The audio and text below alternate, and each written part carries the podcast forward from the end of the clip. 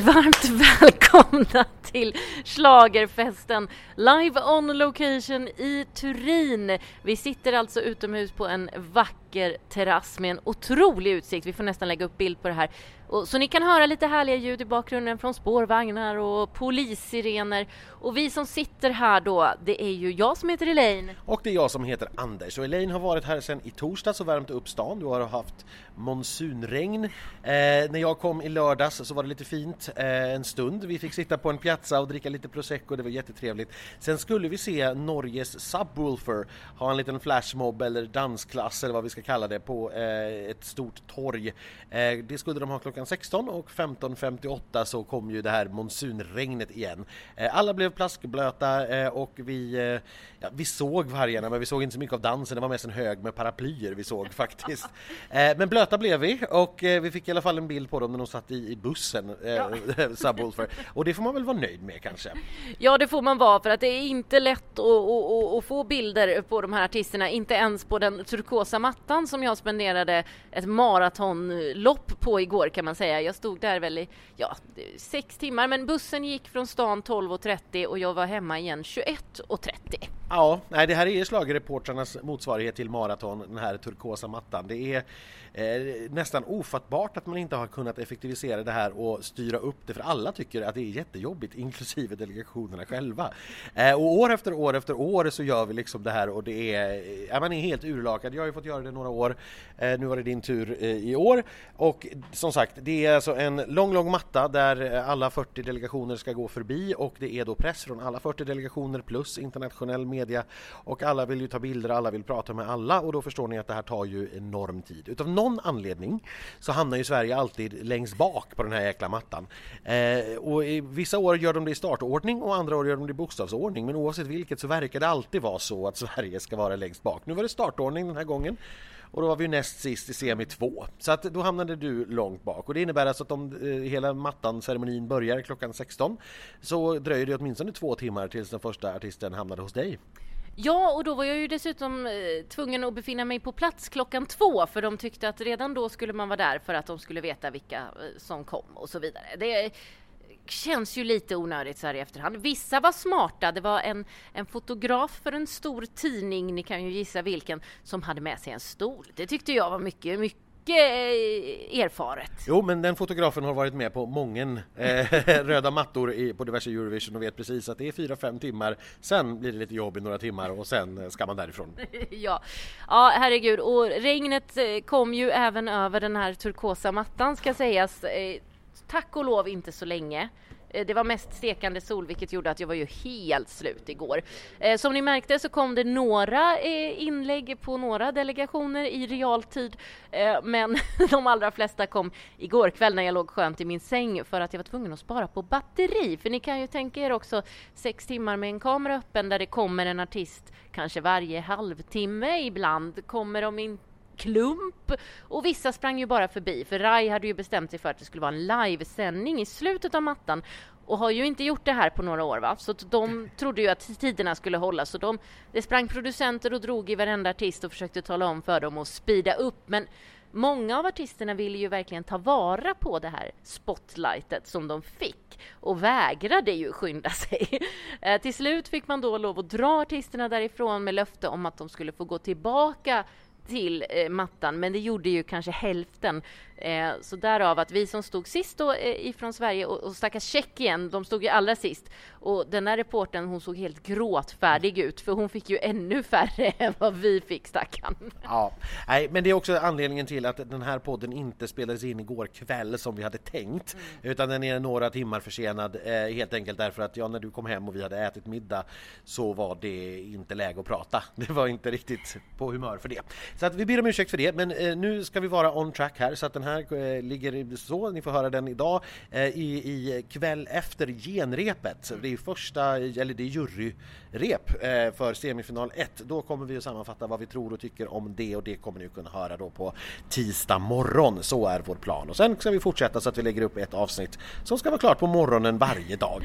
Ja, det är förhoppningen i alla fall. och, och en annan anledning till att den här är lite sen var att när vi väl insåg att vi inte kunde spela in igår kväll så skulle vi ha gått på en liten guidad tur i Turin med Cornelia och kompani här eh, på morgonen, förmiddagen. Eh, det här blev inställt på grund av orsaker, lite osäkert vad. Det sägs att det var intervjuer som drog ut på tiden och så vidare igår kväll som var tvungna att läggas på förmiddagen idag istället och så vidare. Så att det, det, är så här här i Italien.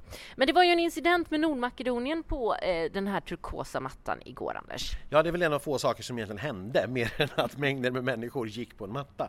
Eh, så var den nordmakedonska artisten Eh, hon kom in på mattan med en liten nordmakedonsk flagga, vilket ju är helt naturligt och hon ställde sig mot fotoväggen för att posera inför pressfotograferna. Och eh, de bad eh, att få ta bilder utan flaggan. Eh, och hon hade liksom ingen riktigt att lämna den till så hon kastade iväg den ut med marken till sina delegationskompisar. Och det här reagerade då Nordmakedonsk TV själva på. Eh, väldigt, väldigt våldsamt får man väl säga, en överreaktion kan jag tycka. Där man då menar att att hon hade vanhelgat en nordmakedonsk nationalsymbol genom att kasta flaggan på marken. Eh, och det här är faktiskt en olaglig handling i Nordmakedonien så att de har då hotat med repressioner eller till och med att dra sig ur tävlingen. Eh, och vi får väl se vad som händer med den saken. Jag tycker ju som sagt att det är en vansinnig överreaktion eh, och man kanske var nöjda med att göra en kraftfull markering. Hon har ju själv gått ut på Instagram och bett jättemycket om ursäkt såklart och förklarat, förklarat omständigheten att det fanns ju ingen att lämna flaggan till och fotograferna ville ta bild utan flagga så det var inte för att på något vis vanhelga flaggan utan det var för att helt enkelt så praktiskt, praktiskt bli, göra sig av med den. Ja. Eh, så att vi får väl se vad som händer här. Eh, jag tror kanske inte heller att det blir någonting. Jag tror kanske att Nordmakedonsk TV var nöjda med att göra markeringen. Ja. Ja.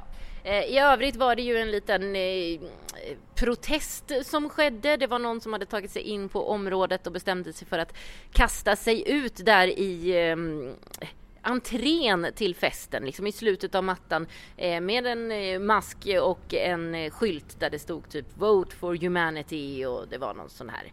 Eh, han blev snabbt bortkastad därifrån så det var ju knappt att någon såg det utom vi som stod just längst bort på eh, mattan. Men det beror ju på att säkerheten här, Anders, den, den är inte den bästa utan vem som helst hade nog i princip kunnat ta sig in på det här eh, eventet. Det, det, är lite så här i Italien, så vi får se hur det blir på sändningarna. Ja, där har man ju vidtagit sådana åtgärder, till exempel då som att greenroomet i år är närmast scenen. Så att eh, vid scenen så kommer alla artisterna sitta och först där bakom kommer publiken. Man har vänt på det här och det är ju då såklart för att förhindra att eventuella eh, människor ska få för sig idén att springa upp på scenen. Eh, och eh, ja, det är väl bra då kanske. Sen eh, verkar det vara lite oklart huruvida det verkligen kommer att vara stående publik eller inte för nu har det kommit nya bud om att publiken kanske måste sitta ner på bänkar men att de får stå upp ändå. Ungefär så säger informationen. Så vi får se hur det där blir. Munskydd är i alla fall obligatoriskt för alla i publiken. Eh, det kan ni hålla ett utkik efter på tisdag kväll om ni ser att publiken har det eller inte. Det är obligatoriskt. Ja, för att det vi har märkt här i Italien det är ju att det finns väldigt mycket regler på papper men om de efterföljs det är lite sisådär. Ja men så kan det vara och det är väl skönt. Vad, vad gäller munskydd så gäller det kollektivtrafik och på konserter och teatrar. Eh, det är där man har munskydd eh, och eh, då gäller det även Eurovision. Eh, men ja, vi får väl se.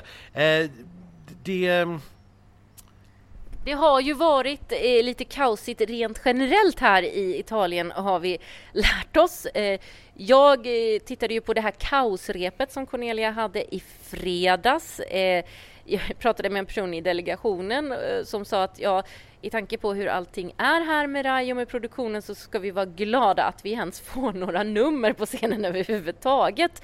Eh, Cornelias kaosrep, Anders. Eh, ja, det det är ju därför man repar säger jag. Eh, jag skulle vilja backa bandet lite och ta, prata om den här kinetiska solen som vi har tagit tidigare eh, och sen ska vi prata om Cornelias rep. Eh, därför att om ni minns då så det man har på scenen är alltså en Eh, en stor sol. Det är en halvcirkelformad eh, struktur som består av ett antal rörliga bågar och de är då på ena sidan med LED-skärm och på andra sidan med strålkastare, i övrigt är den svart. Tanken med den här är att de ska kunna snurra och svänga 360 grader eh, beroende då på om man vill ha en LED-bakgrund eller om man vill ha strålkastarbakgrund. Eh, och de ska även kunna röra sig under numren och sådär och man var väldigt stolt stolt över det här när man presenterade idén i höstas. Eh, och sen har jag då sagt att det visar sig att den inte fungerar, att den inte kan snurra. Men det, det är fel, den kan snurra. Det är bara det att det tar för lång tid så man hinner inte ställa om den mellan numren. Eh, och då skulle det vara så att man skulle hinna ställa om den för en del men inte för andra och sådär. Så att därför bestämde man ur rättvisesynpunkt att man kommer att ha den svarta sidan med strålkastare eh, still och fast under alla tävlingsnummer. Däremot i mellanakter och sådana saker så kommer man att ha den roterande och man kommer att använda ledden och sådär. För en del länder har det här blivit riktigt, riktigt dåligt ja, eh, och en del har jobbat hårt för att försöka lösa det. Men några länder som till exempel verkligen sticker ut här tycker jag är Danmark, vi har eh, Azerbajdzjan eh, och det är ytterligare några fler. Estland vet jag du har pratat om. Finland. Ja, eh, de har inte jag sett men, men det är flera länder som har, ja, det ser bara inte riktigt klokt ut. Eh, för att det man ser är ju då att det finns LED-bakgrund på den stora LED-skärmen som täcker hela scenen. Mitt i den är en halv, svart halvcirkel. Och så ser man artisten och så lite LED-content uppe i högra och vänstra hörnet. Och det Ja, jag vet inte jag, jag le, har lekt med tanken om Anders Bagge hade vunnit Melodifestivalen. Åh herregud! För då hade vi sett eh, Anders framför en svart halvmåne och så en liten kanin upp i vänstra hörnet. eh, det hade inte varit så himla roligt. Men den positiva sidan med det här för oss är ju att det här funkar alldeles utmärkt för vår del. Eh, för att den här svarta halvcirkeln fungerar som en jättesnygg accent till Cornelias gröna och röda cirkel. Den är ju grön och röd som ni vet omväxlande. Det är exakt samma cirkel eller prick eller mynt ja. eller vad man vill använda för ord som i Melodifestivalen. Men det här, den är perfekt centrerad så det blir liksom en jättesnygg accent till det här. Men kaosrepet då. Ja. ja, allt som kunde gå fel gick ju fel. Det började med att hennes mikrofon, liksom, det bara knastrade. Det kom ut så här elektroniska knasterljud och ingenting hördes. Sen hade hon problem med medhörningen. Hon hörde ingen musik i sina lurar. Eh, och sen därefter så eh, blev det också så att en av kameramännen då som fotograf som råkade stå på hennes sladd, för mikrofonsladden är ju fortfarande med. Eh, och vilket innebär att hon inte kunde röra sig. Så hon, han ryckte till och hon ryckte till och så fick man avbryta och börja om. Så att allt som kunde gå fel gick väl fel här och eh, det det är bra tycker jag, av två skäl. För det första därför att det, det, det, är därför vi repar, för att ta reda på vad fungerar och vad fungerar inte. Nu vet man att den här fotografen vet att han måste hålla koll på var han sätter fötterna. Cornelia vet att det finns en risk för att vare sig mikrofonen eller in-earsen inte funkar. Hon kommer att kolla det en extra gång innan hon går upp på scenen. Uh, och, och, då har vi liksom uteslutit de felkällorna, mm. vilket bara är jätteskönt. Mm. Dessutom har vi maskerat vår form lite grann kan man säga för att det är det här alla pratar om vad gäller Sveriges nummer nu, inte hur fantastiskt numret är. Mm. det kommer att slå och drabba tittarna istället ja, på, på torsdag kväll. Mm. När alla får se hur fantastiskt det här numret är för nu tycker jag faktiskt att man har lyft det sen Mello. Ja, gud ja. Alltså man har ju adderat otroligt snygga strålkastare och pyro! Ja, man har till och med lagt till lite pyro mot slutet och det är väldigt, väldigt effektivt. Det är inte stort, men det är väldigt effektivt och gör, det lyfter verkligen. Ja. Och sen det här, om ni som minns vår intervju med, med Lotta Furubäck som sa att man hade bytt från strålkastare till projektor. Mm. Det gör också en skillnad för det gör faktiskt att den här lilla pricken och cirkeln lyser upp i jag ska säga nästan lite vågaktigt mönster. Ja. Så att det händer faktiskt lite saker i den här eh, som, cirkeln mm, också. Mm. Som också jättesmå detaljer såklart som tv-tittare som ser det första gången inte kommer ha en aning om. Men Nej. det blir lite, lite snyggare ja. eh, helt enkelt. Och Cornelia är ju, hon är ju bara magisk. Hon är bara fullständigt fantastisk. Ja, det är hon och hon har varit helt fantastisk här på plats i Turin ska jag säga det Anders. Som hon har betett sig mot fans och mot pressen och hon liksom sticker ut och är helt galen och härlig. Igår på röda mattan när hon väl kom det tog alltså två och en halv timme för henne. Hon var sist kvar på den här mattan och då tog ändå Ukraina fyra timmar på sig på mattan ska sägas eh, så att hon, hon är helt fantastisk och hon vill prata med alla, hon vill krama alla, hon vill, det är för sig lite farligt i covid-tider men det gör hon i alla fall. Och eh, hon bryr sig så mycket och hon visar, hon har ju inga filter den här kvinnan, hon är fantastisk. Nej men man, man märker att hon njuter av att vara här, hon njuter ja. av varenda sekund av, av det här och, och hela resan och hela upplevelsen och det det, ja, men det smittar ju av sig. Eh, alltså, vi måste faktiskt bara nämna den här dressen och outfiten hon hade på röda mattan igår. Men herregud, jag kan berätta för dig, eh, eller vet du vad? Hon kan berätta för oss själv. Den här klänningen är eh, från Gassanova, eh, heter märket. Det är en kvinnlig designer från Ukraina som har gjort den här fantastiska klänningen. Med liksom... Och sen är den här eh, jackan är faktiskt från min mammas garderob. Som Annika har ju allt från min mammas garderob. Så den är från H&M. Ja, alltså en ukrainsk designer också dessutom. Snacka om genomtänkt. Ja, men det är, det är, nästan som att det är någon i den här delegationen som har gjort det här förr. ja, eller hur? Ja. Nej, men det, det, är en dröm att ha en sån artist som alla tycker om och som alla gillar. Mm. Eh, det är det faktiskt. Och, men jag vet inte, ska vi, ska vi prata lite tävling ändå här nu då innan innan semin. Alltså det som har hänt nu under veckan är egentligen ingenting. Nej, precis. Eh, för att oddslistan brukar justeras när repen kommer igång. Eh, då brukar det vara raketer som sticker iväg uppåt, det brukar vara någon som faller igenom. Eh, ibland visar det sig vara rätt, ibland visar det sig vara fel. Vi minns till exempel Belgien i, i Kiev som var en av de heta förhandsfavoriterna. När hon repade sjönk hon ganska raskt till botten och alla var överens om att nej, men hon kommer inte att ta sig till final. Det gjorde hon och slutade på en fjärde plats i alla fall. Men vi har också haft sådana som Jamala i Stockholm som ju ingen pratade om före. När repen väl kom igång så steg hon ganska snabbt. Eh, Salvador Sobral var samma sak i, när han vann i, i Kiev. Så att det brukar liksom finnas saker som kraftiga svängningar. Eh, det har vi inte alls sett. Det, hela oddset är precis som det egentligen har varit eh, sen i februari. Det som har hänt är att Ukraina drar ifrån ytterligare. Deras odds fortsätter att sjunka något och bedöms nu ha närmare 50 vinstchans. Oh, eh, sen är det där bakom har det, och det blir en naturlig konsekvens då av att Ukraina drar ifrån, så har Italien, Sverige och Storbritannien lite grann tryckts ihop.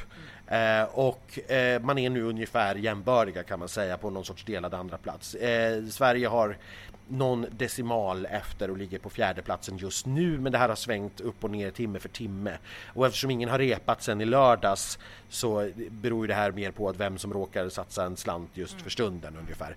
Eh, men det vi kan säga om Storbritannien är ju att det var ett rep som väldigt, väldigt många tyckte väldigt mycket om. Eh, jag var på väg hit då, så därför hann jag inte se det. Fick jag fluga i näsan? ja, det, det, jag tittade på det.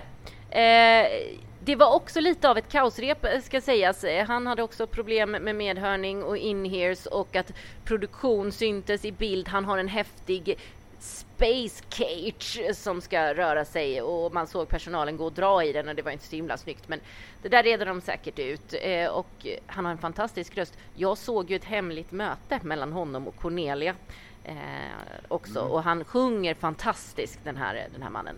Ja men det, det, gör han ju och där har ju de löst problematiken med den här svarta kinetiska solen på ett bra sätt genom att helt enkelt bygga ett jättestålschabrak i vägen så att man inte ser det och eh, han påminner ganska mycket om Queen men jag tror ändå att det finns bakom här väldigt mycket britter som satsar pengar. Spelmarknaden är väldigt inriktad på Storbritannien. Det är väldigt mycket spelare där eh, och att de nu äntligen känner att ja, men det finns en liten chans och så sätter man en liten slant. Liksom. Man satsar 10 pund eller någonting sånt och summan utav det blir att oddset sjunker. För jag har väldigt svårt faktiskt att se det som en vinnare mm. eh, i slutändan. Och ja, ska man vara så, ska man vara realist här så är det naturligtvis så att nej men, oddsen säger väldigt, väldigt tydligt att Ukraina är överlägsen. Mm. Och då får man väl ta in det att väldigt, väldigt mycket tyder på att det blir Ukraina som vinner och vi ska inte alls bli förvånade på lördag om vi sitter här och ja, rycker lite på axlarna och så ja, ja, det visste vi ju.